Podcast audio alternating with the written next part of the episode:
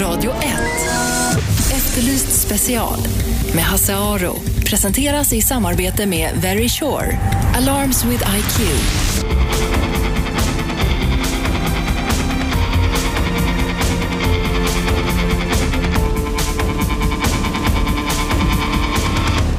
Välkomna hit, Efterlyst special. Hasse Aro heter jag. Eh, är det rimligt att en pappa ska betala reskostnaden för att en mamma ska kunna umgås med sin dotter? Ja, i ett mål eh, som har avgjorts i Sverige så har då en svensk, man, en svensk man som har en dotter tillsammans med en kvinna från Australien. Han har nu av hovrätten dömts att betala hälften av reskostnaderna när kvinnan, mamman då ska ha umgänge med dottern och då reser hon alltså från Australien. Och det här ska ske då eh, på sommar, varje sommarlov och varannan jul och nyårshelg. Eh, paret hade eh, barn, eh, bodde i Australien, flyttade till Sverige, separerade och kvinnan flyttar alltså tillbaka till Australien. Och nu tycker hovrätten att det är rimligt att mannen ska vara med och betala för att hon ska umgås med sin dotter. Vad tycker ni om det här? Det ska vi prata om efter pausen. Men vi ska börja med ett helt annat ärende därför att idag föll domen i det stora målet som handlade om blufffakturor från bjurföretaget Företagslansering i Sverige AB i Helsingborgs tingsrätt som dömde i eh, målet idag. Tre personer stod åtalade för att ha eh, lurat ett antal företagare på flera miljoner kronor. Bland annat genom att felaktigt påstå att de har gjort beställningar, att klippa ihop band så det låter som om människor har beställt saker som de inte har gjort och så vidare. och så vidare. Jag hoppas att åklagaren Tord Josefsson, Josefsson finns med på telefon. Han gör det, det är Tord Josefsson här. Vad bra. Eh, du, det här mm, domen då, det, tre åtalade, en blir dömd, två blir friade. Vad, vad, vad är din kommentar? Alltså först och främst ska jag säga så här, det är oerhört glädjande att tingsrätten har eh, då kommit fram till samma sak som jag gjorde när jag väckte mitt åtal, nämligen att det är fråga om grovt bedrägeri, det är fråga om försök till grovt bedrägeri. Man har kommit fram till att det är grov organiserad brottslighet, precis som jag har lagt upp det hela på när jag resonerat om varför jag ansåg att det skulle vara grovt. Det är grundprinciper här som har prövats och de är oerhört verkningsfulla. Dels är det det, det är näringsförbud som eh, utdömdes. Jag begärde att det skulle dömas ut sju år. Tingsrätten ansåg att det skulle dömas ut fem år. Sen att de inte har dömt fullt ut det är en helt annan sak. Men, men själva grundprinciperna är fullständigt klarlagda. Det, utöver det jag har sagt så kan man också tillägga att det, man har, tingsrätten har kommit fram till att det är en samhällsfarlig företeelse. Om man ska sammanfatta då, eh, jag har bara skummat igenom den här domen, men man går, man, man, man, man, tingsrätten säger att den här verksamheten är olaglig, den gick ut på att lura folk på pengar, det fanns inga annonser, det fanns ingen annat som man sålde, men två av de tre åtalade kunde inte knytas till verksamheten. Det var inte säkert på att de visste att allting var bluff. Är det så det ska tolkas? Ja, alltså i huvudsak rätt. När det gäller de två som man har um, ogillat mot så anser man ju, eh, man, visserligen är de knutna till företaget men inte i en sån stor omfattning. Deras beröring med det som jag påstår anser inte tingsrätten var så kvalificerat att uppgå på den nivå att man kan fälla dem till ansvar. Men mitt, mitt argument är att de är att anse som medgärningsmän allihopa. De har bidragit med mindre delar men totalt sett så har det genom deras saker, vad de har gjort, gjort det möjligt för att företaget att existera och att då eh, fullfölja det som man har tänkt sig göra. Lura till sig de här pengarna. Eh, en av de här som gick fri var ju faktiskt VD för bolaget. Man kan ju tycka att han borde ju fattat vad som pågick. Alldeles rätt, det, det, det var väl min spontana uppfattning när vi inledde förundersökningen gentemot honom. Men man anser att han är så okvalificerad, om man kan använda uttrycket målvakt, att han inte har varit i kontakt med de huvudsakliga frågorna. Till och med hans namn har förfalskats ett antal gånger i olika eh, dokument. Inte minst när det gäller Skatteverkets, eh, ja, när, när det gäller deklarationsinlagor och sådant. Eh, Dick Malmlund är säkerhetsexpert och tidigare säkerhetschef på Svensk Handel. Jobbat mycket med den här frågan, blufffakturor. Vad, vad tycker du om den här domen?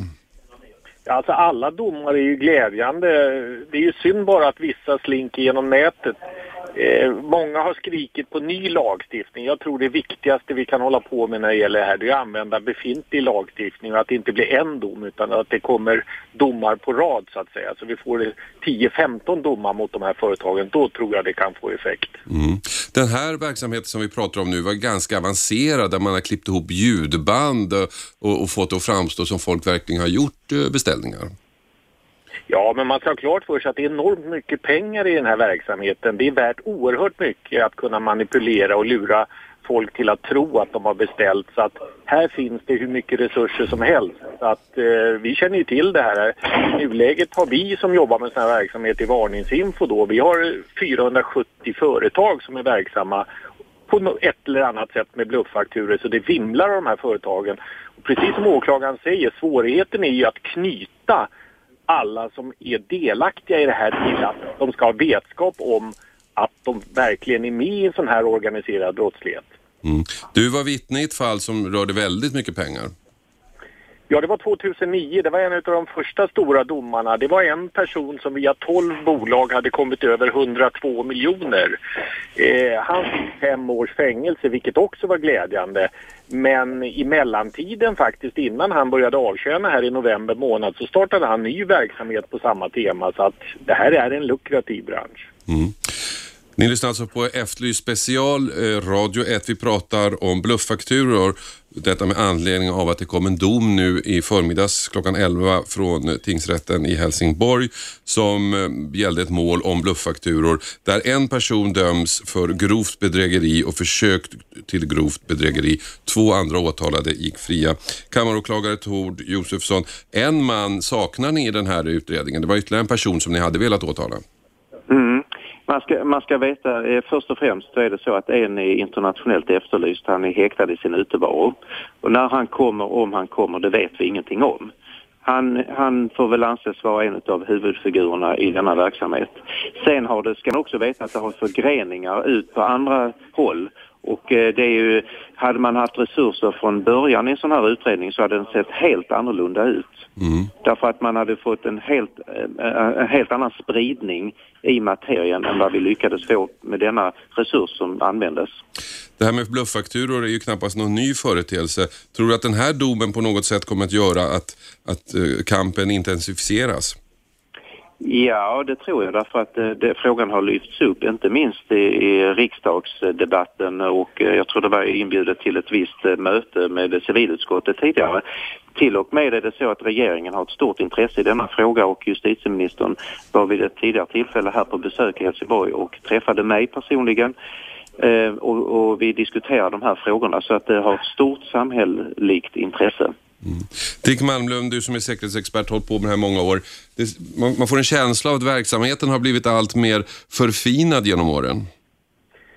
Ja, alltså svårigheten för vanliga företagare som drabbas av det här det är ju att gränsen mellan oseriös och seriös verksamhet är helt utsuddad och det är det jag tror också är svårigheten för lagstiftaren att hitta på något nå recept som verkligen kommer åt de fula fiskarna.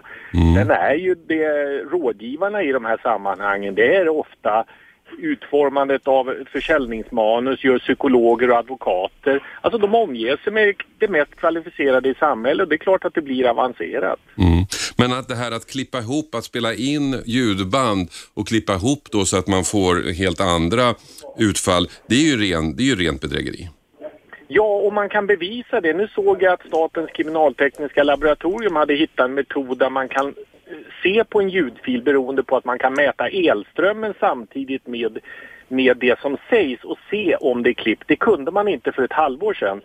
Så även på, på polisiära sidan så förfinar man ju metoderna och där tror jag att det kan, kan eh, leda till att man kan bevisa att det är manipulerat. Mm. Ja. Men att snacka om kullen en företagare och få honom att betala massa pengar för att delta i en, i en värdelös katalog, det är inte olagligt? Ja, det är klart att det är, om man är, alltså snacka om kull. Det finns nästan ingen offensivare försäljning idag än telefonförsäljning. Och då, mm. in, då inkluderar det även seriösa företag. Så att snacka om kull, det är ju, problemet är att vi svenska företagare är alldeles för blåögda. Mm. Vi kan inte vi har ett ansvar själva. Vi måste stå upp och ifrågasätta det som presenteras för oss i större omfattning. Det är räddningen tror jag, att vi själva blir lite mer restriktiva i vad vi säger ja till. Mm. Jag, jag har ju ett eh, företag registrerat och jag blir uppringd ungefär en gång om dagen. Eh, och eh, jag, säger, jag har då fattat, ordet jag ska, ska jag aldrig säga. När de frågar om det är jag så svarar jag med motfråga, vem frågar? Och sen säger jag, jag är inte intresserad. Är det en effektiv metod? Ja, alltså och så lägger jag på. Ja, den mest effektiva tycker jag, eftersom vi svenskar har lite hövlighet, vi vill inte mm. be folk fara och flyga, det är att man säger kan jag få ringa upp? Okay. För det vill de absolut inte vara med om, för då kan du spela in hela samtalet. Ja. Plus att deras säljmanus fungerar inte om du ringer upp, det fungerar bara när de ringer upp. Mm. Tord Josefsson, kammaråklagare. En man fälld alltså, två gick fria. Kommer du överklaga den här domen eller är du nöjd med den som den är? Nej, alltså detta kräver ju, det, det kräver ju viss fundering och uh, sitta ner och för, tala med uh, den uh, polisstyrka som jag har haft i förfogande här och, och fundera igenom frågorna. Så att uh, det, det sista ordet är inte sagt än. Nej, men du sa inledningsvis att du är ändå relativt nöjd.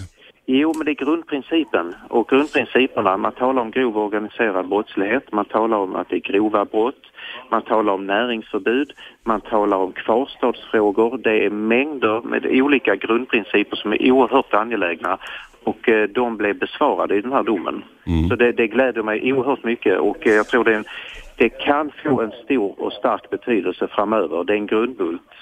Dick, finns det något enkelt recept att komma åt det här? Nej, åklagare och polis ska all heder av arbetet i det här sammanhanget och det är det arbetet som kommer på lång sikt att leda resultat till resultat. Fler och fler domar så fler och fler får känna av att detta är olagligt. Mm. Eh, men det, det, låter ju som en, ändå en rätt långsam metod. Ja, men det finns inga enkla lösningar i samhället. Det vet, eh, när det blir en organiserad brottslighet så är det långt idogt arbete som ger resultaten. Det är så i alla sammanhang. Man får inte ge upp. Och, och jag har kämpat med blufffakturor i 15 år. Jag kommer kämpa 15 år till om jag får. Mm. Det är enda metoden.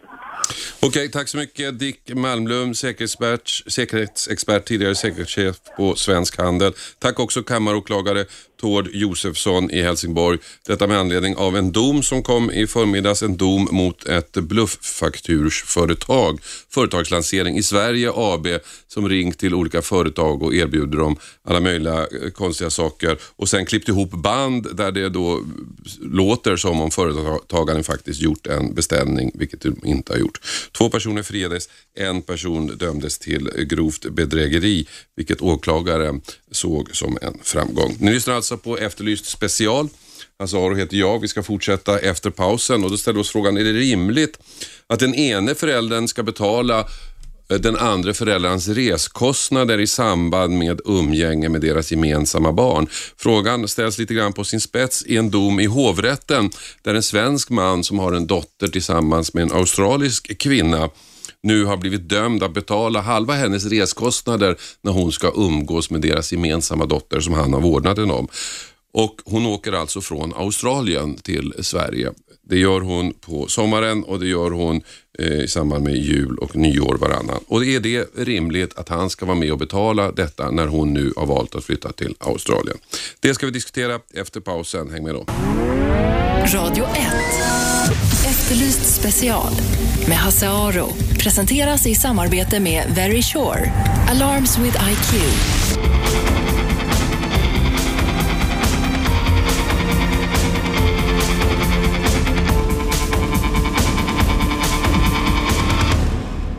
Välkomna tillbaka till Efterlyst special. Är det rimligt att den ena föräldern ska vara med och betala reskostnaden för den andra föräldern när den ska ha umgänge med sitt barn? Ja, den här frågan har ställts på sin spets eh, i och med en dom från hovrätten. Och Det handlar om en svensk man som har en dotter tillsammans med en kvinna från Australien. Han har nu dömts av hovrätten att betala hälften av reskostnaderna som uppkommer då mamman ska ha umgänge med dottern. Och Då pratar vi alltså om hennes resor från Australien. Den här mannen och kvinnan de tvistade om vårdnaden och umgängesrätten om sin dotter. De hade tidigare bott tillsammans i Australien men sen flyttat till Sverige, separerat och mamman hade då flyttat tillbaks till Australien. Eh, men eftersom dottern bott med, med, sin pappa i Sverige de senaste fyra åren så vann han vårdnaden Eh, och tingsrätten sa att han, att han heller inte skulle eh, betala reskostnaden för kvinnan.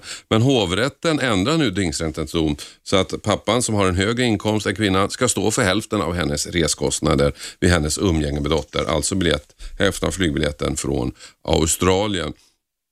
Eh, då undrar man, är det rimligt? Ska den ena föräldern verkligen betala för att den andra föräldern eh, ska ha umgänge? Och kan en förälder flytta hur långt som helst och så ska den andra föräldern ändå vara med och betala biljetten? Mikael Alonso är här. Du är, har varit med och grundat föreningen Pappa Barn som handlar om pappors rätt till sina barn. Eh, du har varit med och drivit, eh, du sa själv, ungefär 300 vårdnadstvister. Är det här rimligt att den ena parten, i det här fallet mannen, ska betala kostnaden för, för kvinnan, hälften av kostnaden för hennes reskostnader som är ganska höga? Alltså, just det här fallet, man vet så lite, men i princip ja. Ehm, man ser det inte som att eh, föräldern betalar, eller vårdnadshavaren säger man i Sverige, det, kan, mm. det är ett, ett sidspår men det är en idiotiskt sätt att uttrycka sig att säga vårdnadshavare. Det är föräldrar vi pratar om. Men man menar ju att det är så att det är barnets rätt att få eh, träffa sin ena förälder och det, ska man, det ansvaret ska föräldrarna dela, att umgänget blir av. Så står det egentligen. Då menar man även ekonomiskt. Mm. Um, och På sätt och vis kan det låta galet uh, när den ena föräldern flyttar till Australien, men på sätt och vis kan man ju också tycka kanske att det är så att det är ju viktigt för barnet att få träffa sin mamma. Uh, och det kanske är värt de pengarna för pappan. Om det hade gällt något annat som var viktigt för barnet så hade det säkert inte varit någon diskussion. Mm. Så enligt lag och kanske även en viss moral så ja, det, det är så att man ska dela kostnaderna mm. om man har råd. Eh, det finns faktiskt en liten passus i lagen som säger att man ska inte behöva betala om man inte har råd. Va? Mm. Men i det här fallet så flyttar hon ju till Australien. Det är hennes val att flytta. Jag menar, han, hans möjligheter att påverka den här kostnaden är ju då noll. Ja, jag vet. Det här, det, det här är en konstig värld, men igen, va, man ser inte på det sättet lagtekniskt, utan man utgår hela tiden ifrån barnets bästa. Och I det här fallet så är det ju så att barnet kan inte heller påverka vart mamman väljer att flytta. Så att om mamman väljer att flytta till Australien så försämras barnets möjligheter att träffa sin mamma och det har man ju tagit hänsyn till i vårdnadsdomen redan. Så redan nu är det ju så att det här barnet träffar sin mamma, om jag förstod rätt, två gånger om året. Ja, just det. Eh, under, under en längre tid. Fyra veckor varje sommarlov, det får man anta att det, de hänger ihop. Ja, de hänger nog ihop. Och sen så varannan jul och nyår. Jul och nyår hänger väl ihop, eller om det är varannan Ja, men då jul är det en och en halv gång om året till och med. Varannat år är Ja. två, varannat år en gång om året. Så det är inte sådär jätteofta det här barnet får träffa sin mamma. Och då tycker man att det är i barnets intresse att få träffa eh, eh, mamman och hon... Eh, och han om jag nu ska vara djävulens advokat, det är ju mamman som försvårar umgänget genom att flytta till Australien. Ja, helt klart. Och då ska pappan ta ansvar för det. Ja, men alltså det här, det blir en moralfråga som inte riktigt... Säg att det är så här då, att mamman får ett jobb i Australien som hon inte kan göra så mycket åt och tvingas flytta dit. Då känner man ju att jaha, och hon kanske inte skulle ha råd med de här resorna. Då skulle barnet inte träffa sin mamma alls plötsligt. Då. Så där, man skiter faktiskt i det helt enkelt. Att vem, vem valde att åka och varför. Det man däremot gör, som man skulle kunna kalla för någon form av eh, inte bestraffning, men där man tar hänsyn till vem som har betett sig eh, mindre intresserat av barnet här, det är ju att det är pappan som får fler dagar med, mamman får ju mindre och mindre tid med, med sin dotter ju längre bort hon flyttar. Men ekonomiskt får han stå för det så länge man gör en, äh, för hälften, så länge man gör en bedömning att han eh, har råd. Däremot är det en sak som är lite konstigt i den här domen som inte brukar vara. Eh, man kan spekulera i varför, men det är ju att det normala är inte att mamman eller pappan får åka. Utan det normala är ju att barnet får åka till sitt umgänge och då delar man kostnaden för barnets resa. Nu vet vi inte hur gammal barnet är här. Det kan ju vara rent praktiska skäl att vi pratar om ett väldigt litet barn som inte kan åka själv. Alltså jag skulle gissa, men observera, jag betonar att det är en gissning, men en hyfsat kvalificerad gissning av en viss erfarenhet, det är att de har haft en vårdnadstvist i Sverige tidigare, pappan har vunnit. Han vill inte skicka dottern till Australien för han är orolig för om dottern kommer tillbaks. Ja. Så han föredrar att mamman kommer hit för dottern kanske inte ens har ett pass, va? så att han vet att hon är kvar här. Och då blir det så att han får betala för mamman. Det han kan göra, det är ju att han givetvis kan hävda att eh, det här är för mycket umgänge.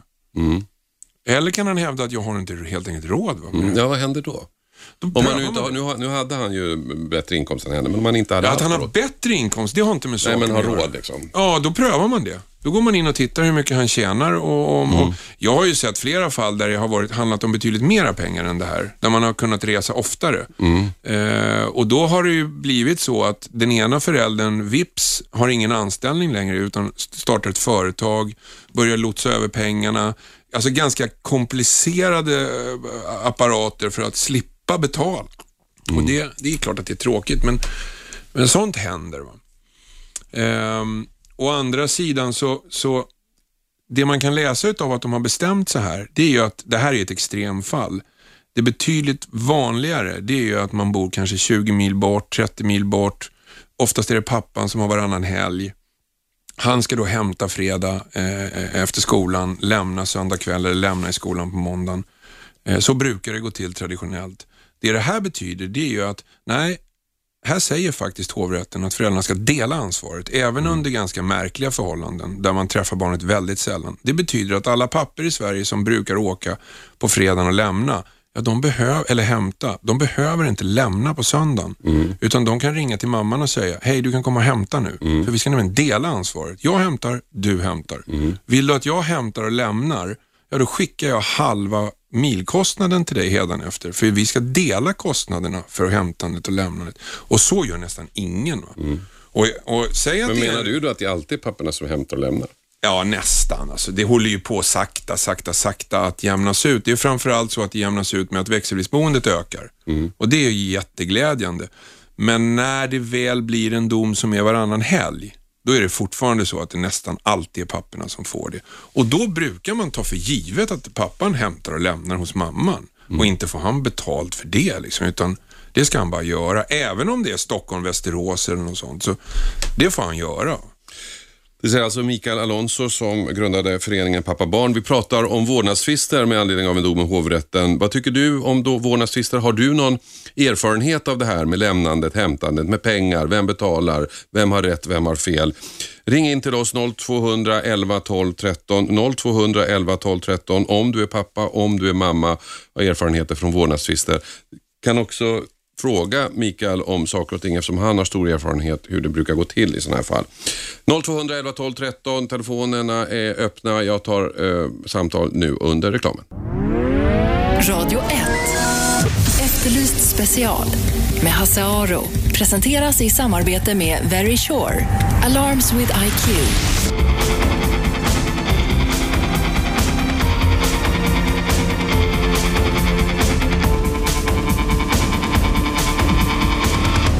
Välkomna tillbaka till Efterlyst special. Vi pratar om vårdnadstvister. Detta med anledning av en dom som slår fast att en man och en kvinna som har en gemensam dotter ska dela på reskostnaderna som kvinnan har för att eh, träff, träffa sin dotter. Mannen har fått hela vårdnaden men hon har umgänge, umgängesrätt och då ska han vara med och dela på eh, reskostnaderna och det anmärkningsvärda är då möjligen att hon bor i Australien så att det handlar om biljetter från Australien.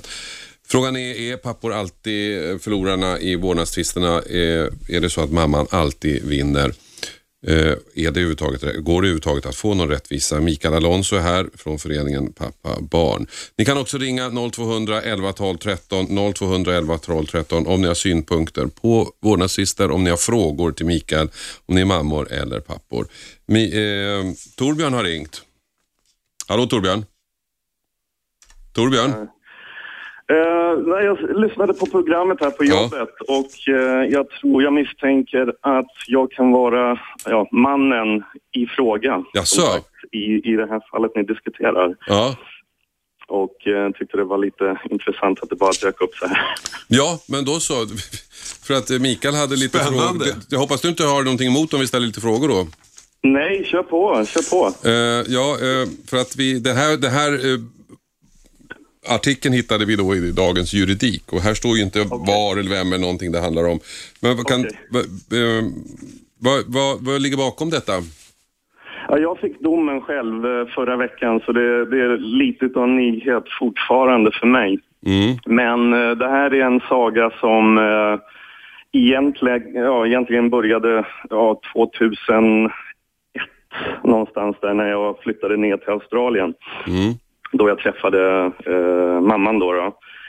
Och eh, vi hade ett gemensamt förhållande i eh, ja, dryga fyra år. Eh, därav eh, ja, min dotter vart resultatet kan man väl uttrycka det som. Mm. Och sen bodde vi tillsammans i tre år under samma tak, eh, även om vi inte var eh, tillsammans i en relation. Då, då. Eh, tills vi flyttade tillbaks år 2008 var det och då fick jag, och då hängde morsan, eller mamman med till Sverige Mm. för att sen fortsätta till Danmark där hon hade träffat en ny man som hon skulle uppta en relation med.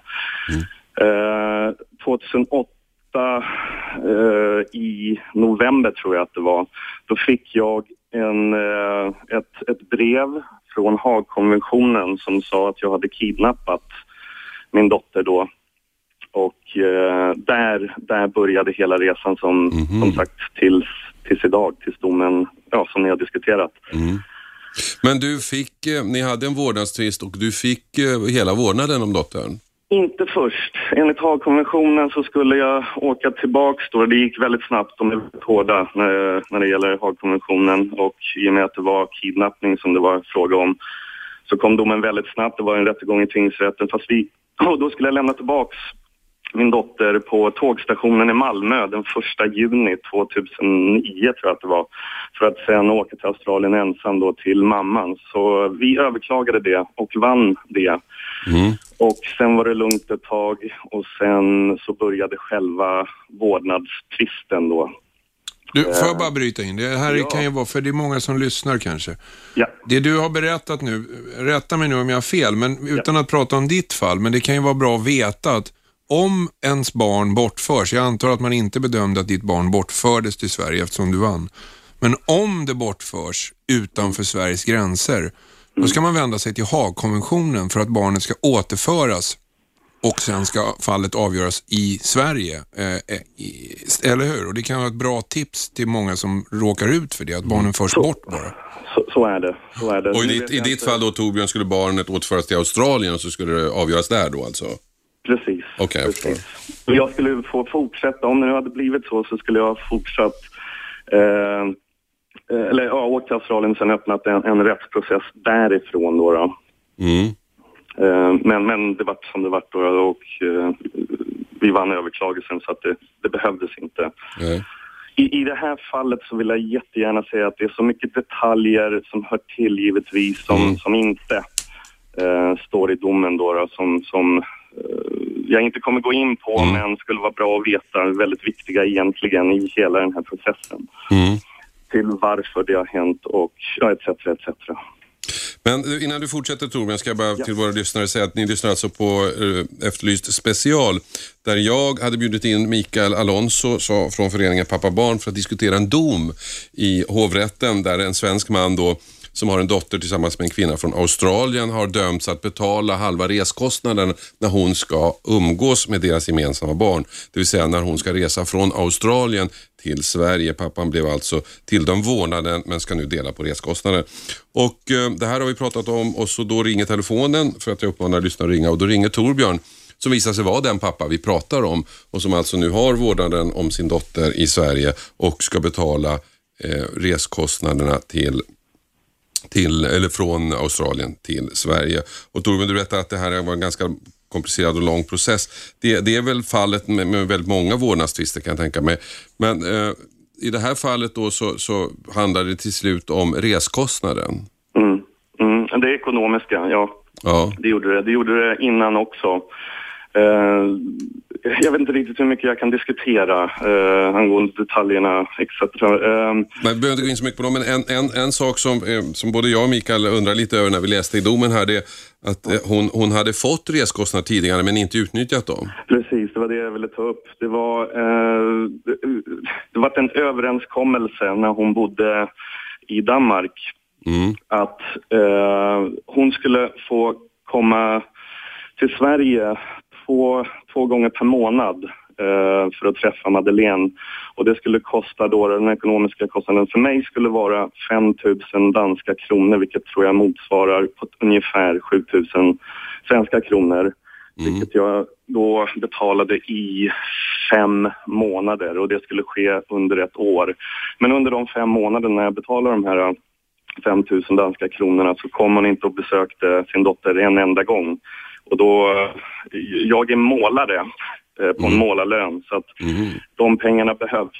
Eh, Så då tänkte jag att nej, då drar jag in det för att det, det var för min dotter som hon skulle komma och för att hon skulle träffa sin mamma. Ja, det är klart. Men du nu, jag, bara, jag blir nyfiken nu. för Det här är ju eh, konstigt. eh. Hela, jag lovar, hela grejen har varit jätte... Men du nu då, när, har, när du har fått den här domen på att du ska betala, om jag förstod rätt, max 7000 kronor eh, eller mindre om biljetten lyckas bli ännu billigare. Ska, Kommer du då att betala detta i någon slags schablon eller betalar du vid en faktisk resa? Det första jag kommer göra är att överklaga det här för att jag håller inte med, jag håller inte med alls. Jo, men jag menar hur är domen utformad? För det låter ju helt barockt att du betalar en summa och sen åker hon inte. Nej, men så var det förra gången. Eh, jag, jag misstänker att det är samma, samma sätt. Sätta in det på ett konto så får väl hon eh, använda pengarna bäst hon vill. Det är väl så jag har förstått det. Det. Är exakt likadant som förra gången då. Jag betalade pengarna in till konto. Mm, fast här, här i domen står det nu att för att kostnaderna ska göras förutsägbara för dig så sätts en övre gräns. Det låter ju som det på något sätt ska redovisas. Ja, det, det, är ständiga möten fortfarande med advokater och det... Som en vanlig man så förstår man inte riktigt på sig alla begreppen inom det rättsliga systemet, eh, har jag märkt. Och Men det- du, får jag fråga dig en annan sak? Eh, Tycker, du, tycker inte du att det ändå går att förstå att man har tyckt ifrån domstolen att det är bra att dottern får möjlighet att träffa sin mamma två gånger om året? Jo, absolut. Men det har ju varit för mig hela tiden. Vi har aldrig... Min dotter vill fortfarande ha ett umgänge med sin mor. Det, det har aldrig varit frågan om det. Det, är, det, det här är detaljer också som jag skulle vilja ta upp, men jag vet inte om jag kan, får. Uh, varför jag inte vill tillåta det. Eh, det finns anledningar till det. Eh, Men du, får jag fråga en annan sak? Eh, eh, Förutom de här reskostnaderna, ska du betala underhåll också? Eh, nej, det tror jag inte. Men den frågan som jag har och vill ha, det är väl hu- hur hon, mamman då, då ska, ska bo här. Om hon nu kommer två veckor under sommarlovet eller fyra Mm. veckor vad det är. Eh, hur ska hon ha råd utan jobb att bo, att, att bo här i Sverige? Eh, Och var? Och vem ska stå för de kostnaderna? Det vanligaste, jag har ju sett några sådana här eh, liknande fall och det vanligaste det är ju pappor som reser runt i Sverige men då brukar de faktiskt få ta in på vandrarhem eller på hotell. Och sen brukar de inte, om de inte har råd att bo på bättre hotell, få låta få barnet sova där. Utan då bor de ofta på ett vandrarhem i närheten, hämtar barnen på morgonen, lämnar tillbaka dem på kvällen. Ehm, eller får de visa upp ett, ett boende som någon från SOS kanske då bedömer som att ja, här kan ett barn bo. Va? Men de brukar bo på hotell. Det blir väldigt dyrt om man ska bo här fyra veckor på hotell. Jo, precis. Det, det, Men de kanske har någon vän här. Men det är ju upp till henne att lösa, det är ju inte ditt problem. Nej, men det kan bli mitt problem. Som sagt var, jag har gått igenom den här resan. Jag vet att överraskningar kan komma när det gäller det här ekonomiska. Så vem ska stå för de kostnaderna? Och det, Men du Torbjörn, det har aldrig varit, det har aldrig varit prat om att skicka dottern till Australien för umgänge? Uh, nej, i och med att det har varit så pass... Jo, det har varit uppe, men eh, i, med advokaterna och tingsrätten och allt så bedömde de att det inte vore något bra i och med att de inte haft något umgänge riktigt på, eh, ja vad är det nu, fyra år. De har träffat varandra två, två gånger. Mm. Hur gammal är du? Ursäkta att jag skrattar, det är verkligen inte roligt. Det är mera sett ur någon, ska jag säga, ur pappersexercis ögon så låter det här väldigt har domstolen tyckt att ett barn som inte har träffat sin mamma på fyra år ska åka ner och träffa henne oavbrutet i fyra veckor utan någon som helst introduktion? Nej, tvärtom. Det, det, Ja, dotter, tvärtom. Mamman kommer hit. Ja. Ja. det är därför dottern inte åker dit. Därför att Aha. de tyckte inte det var För ni måste ju sakta slussa igång det här kan man ju tycka. Mm. Jo, no, precis. precis. Men, men det har varit upp på tal. Förslaget har varit där, men där så sa vi nej då. då. Att, nej, det tyckte vi inte. Det vore väldigt konstigt. Eh, Hon är... Dottern är eh, nio år, om inte det går Ja, fram det där. framgår. Nej, nej, det står inte. Så att, ja. Okej, men Torbjörn, det låter ju som ni har en väg, en resa kvar här. Ni är inte riktigt klara här. Andra, ja, det... Ja. Du, får jag bara en kort för jag blir nyfiken här. Har inte du begärt underhåll? Du tar ju hand om barnet, du har ju alla Ja. kostnader för det här barnet. Jo, det, det är såna här små grejer i det hela som barnbidrag. Jag har inte fått något barnbidrag på hela den här tiden. Började få det i december förra året. Eh, och så har jag precis fått en faktura från fritidsverksamheten uh, där den går i skolan på 11 000 för att jag ska betala för hennes fritidskostnad. I och med att hon inte har varit skriven i Sverige så har hon väl inte sett det. Och sen nu när hon har blivit skriven och jag har fått vårdnad, då retroaktivt ska jag få lov att betala hennes eh, eh fritidskostnad då under de här tre och ett halvt, fyra åren.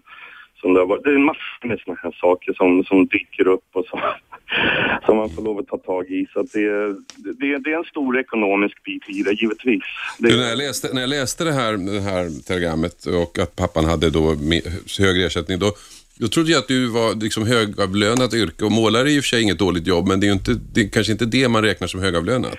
jag, jag kan säga så här att om jag får lov att, betala för att hon ska komma hit två gånger eh, om året. ja, En resa till Australien går väl på en 12 000 på ett ungefär. Det är 24 direkt och sen om det är något underhåll här då, då eh, det vet jag inte. Det är en annan, en annan fråga. Som sagt var, det, den frågan vill jag ställa. Eh, men de pengarna, det, det, det finns, ja, de finns inte. Det. Eh, Så att jag, jag vet inte riktigt, även om, om de nu kräver att jag ska, måste betala så, så finns inte de pengarna helt enkelt. Det, Jag kan ju bara säga det, det är om inte din advokat har sagt det, att då står sig den här domen och du faktiskt inte har råd, då finns det faktiskt en liten passus i lagen som säger att trots att man har dömt ut att resekostnader ska betalas, så behöver man inte det om man inte har råd. Sen kan man diskutera hur den bedömningen görs.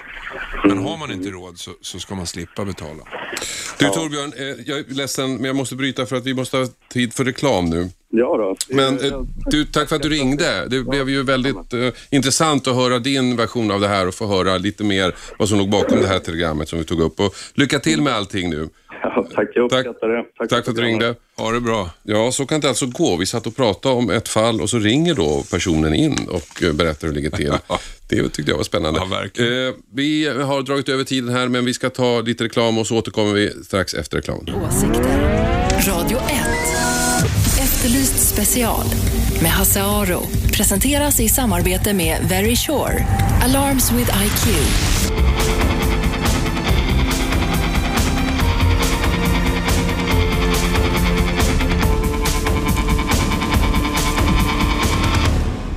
Välkomna tillbaka till Efterlyst special. Eh, vi börjar närma oss final här idag eh, och det har varit ett spännande program. Jag bjöd in Mikael Alonso från föreningen Pappa Barn för att diskutera en dom i hovrätten där en svensk man som har en dotter tillsammans med en kvinna från Australien har dömts att betala hälften av de reskostnader som, um, um, som uppkommer då mamman ska ha umgänge med dottern och mamman ska alltså bo i Australien så han ska betala hälften av biljetten när hon reser hit. Eh, umgänget är fyra veckor under varje sommarlov och eh, varannan jul och nyårshelg. Och under vårt samtal så ringer Torbjörn som det visar sig handla om och berätta om bakgrunden till den här historien. Och som alla vårdnadstvister, massa detaljer, inte alldeles lätt för en utomstående att få en överblick över. Men det vi hörde, eh, Micke, det var ju ändå en man som uppriktigt ledsen och eh, förtvivlad i den här situationen som har uppstått. Och så är det väl väldigt ofta att just män känner sig lite maktlösa. Ja, och sen fick jag en mycket sympatisk bild av att det absolut inte handlade om någon eh, vad ska vi säga, dold agenda att förhindra umgänge. Tvärtom, han verkade ju vara synnerligen intresserad av att hans dotter... För du sa det i pausen, jag undrar vad som ligger bakom det här egentligen och så ringer han. Ja, och det var väldigt intressant att få höra. För ofta, ofta kan det ju vara så att det finns en förbittrad strid om att man försöker förhindra och hitta på en massa så. Här lät det ju verkligen som att han vill gärna att, att eh, mamman och dottern ska umgås. Mm. Och nu är omständigheterna lite lite speciella här. Dels det här med Australien och sedan också bodde tidigare i alla fall i Danmark. Så Ja, sen att han har betalat resor åt henne under en lång tid och hon inte har brytt sig om att åka för de pengarna. Det, det kan jag verkligen förstå att man tycker att det är